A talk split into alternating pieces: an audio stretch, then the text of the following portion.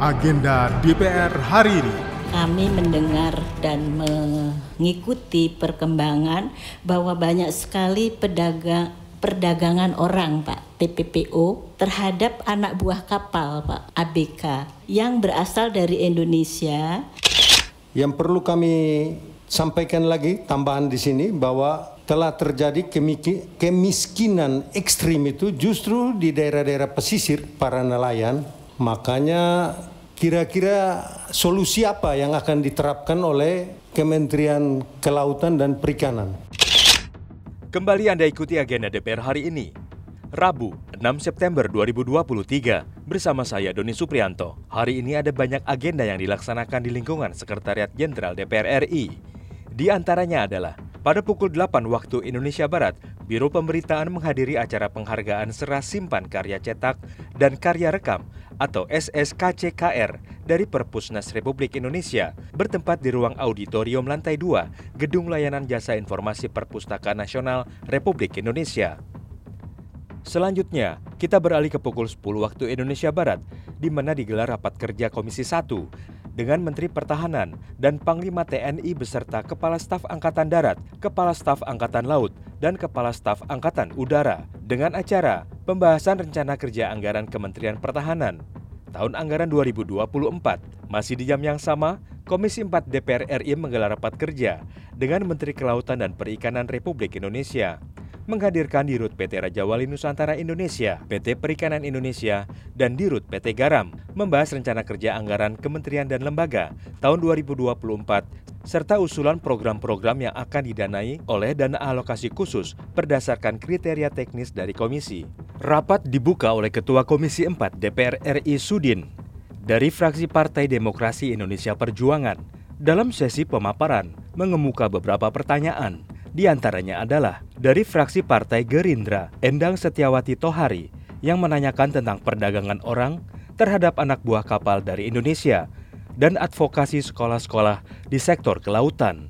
Kami mendengar dan mengikuti perkembangan bahwa banyak sekali pedagang perdagangan orang Pak TPPO terhadap anak buah kapal Pak ABK yang berasal dari Indonesia kemudian bekerja di tempat-tempat perikanan asing. Nah, ini mohon ada sosialisasi karena yang direkrut itu kebanyakan di kampung-kampung nelayan yang pengetahuannya sangat rendah sehingga ini sangat merugikan keluarga kita yang ada di kampung-kampung.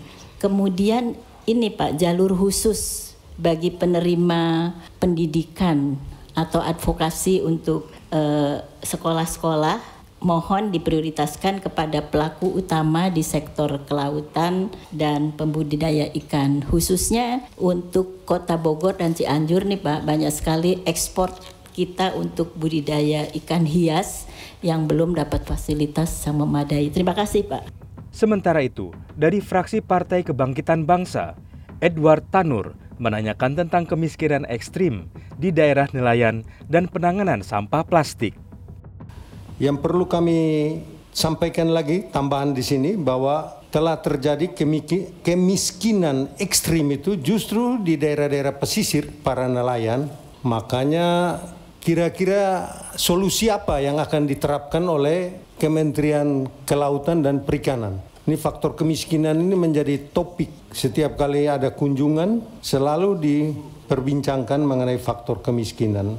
Dua, mungkin menyangkut sampah plastik sampah plastik ini sudah menjadi budaya atau kebetulan orang sering membuang sampah, khususnya sampah plastik itu ke sungai atau ke laut. Ini menjadi presiden buruk bagi kita Indonesia karena bukan hanya di timur saja, di Bali juga banyak itu sampah plastik padahal itu daerah wisata buat kita. Di Labuan Bajo juga banyak. Saya kira kita harus menemukan satu solusi yang betul-betul berkesinambungan. Selanjutnya di ruang Komisi 5 digelar rapat dengar pendapat dengan Eselon 1 Kemen PUPR, Dirjen Bina Marga, Dirjen Pembiayaan Infrastruktur, membahas alokasi anggaran tahun anggaran 2024. Selanjutnya Komisi 9 menggelar rapat dengar pendapat dengan Eselon 1 Kementerian Ketenagakerjaan Republik Indonesia membahas rencana kerja anggaran Kementerian dan Lembaga tahun anggaran 2024. Masih di jam yang sama, Badan Legislasi menggelar harmonisasi rancangan undang-undang tentang perubahan kedua atas Undang-Undang Nomor 22 Tahun 2001 tentang minyak dan gas bumi. Sekarang kita berlanjut ke pukul 13 waktu Indonesia Barat, di mana Badan Legislasi menggelar rapat pleno pengambilan keputusan atas hasil harmonisasi rancangan undang-undang tentang perubahan kedua atas Undang-Undang Nomor 22 Tahun 2001 tentang minyak dan gas bumi. Lanjut kita ke pukul 14 waktu Indonesia Barat, di mana Komisi 1 kembali menggelar rapat kerja dengan pemerintah yang diwakili oleh Menteri Pertahanan, Menteri Luar Negeri, dan Menteri Hukum dan HAM. Dengan acara pembicaraan tingkat 1 dalam rangka pembahasan dan dilanjutkan dengan pengambilan keputusan terhadap rancangan undang-undang tentang pengesahan persetujuan antara pemerintah Republik Indonesia dengan pemerintah Republik India mengenai kerjasama dalam bidang pertahanan atau Agreement between the Government of the Republic of Indonesia and the Government of the Republic of India concerning cooperation in field of defense.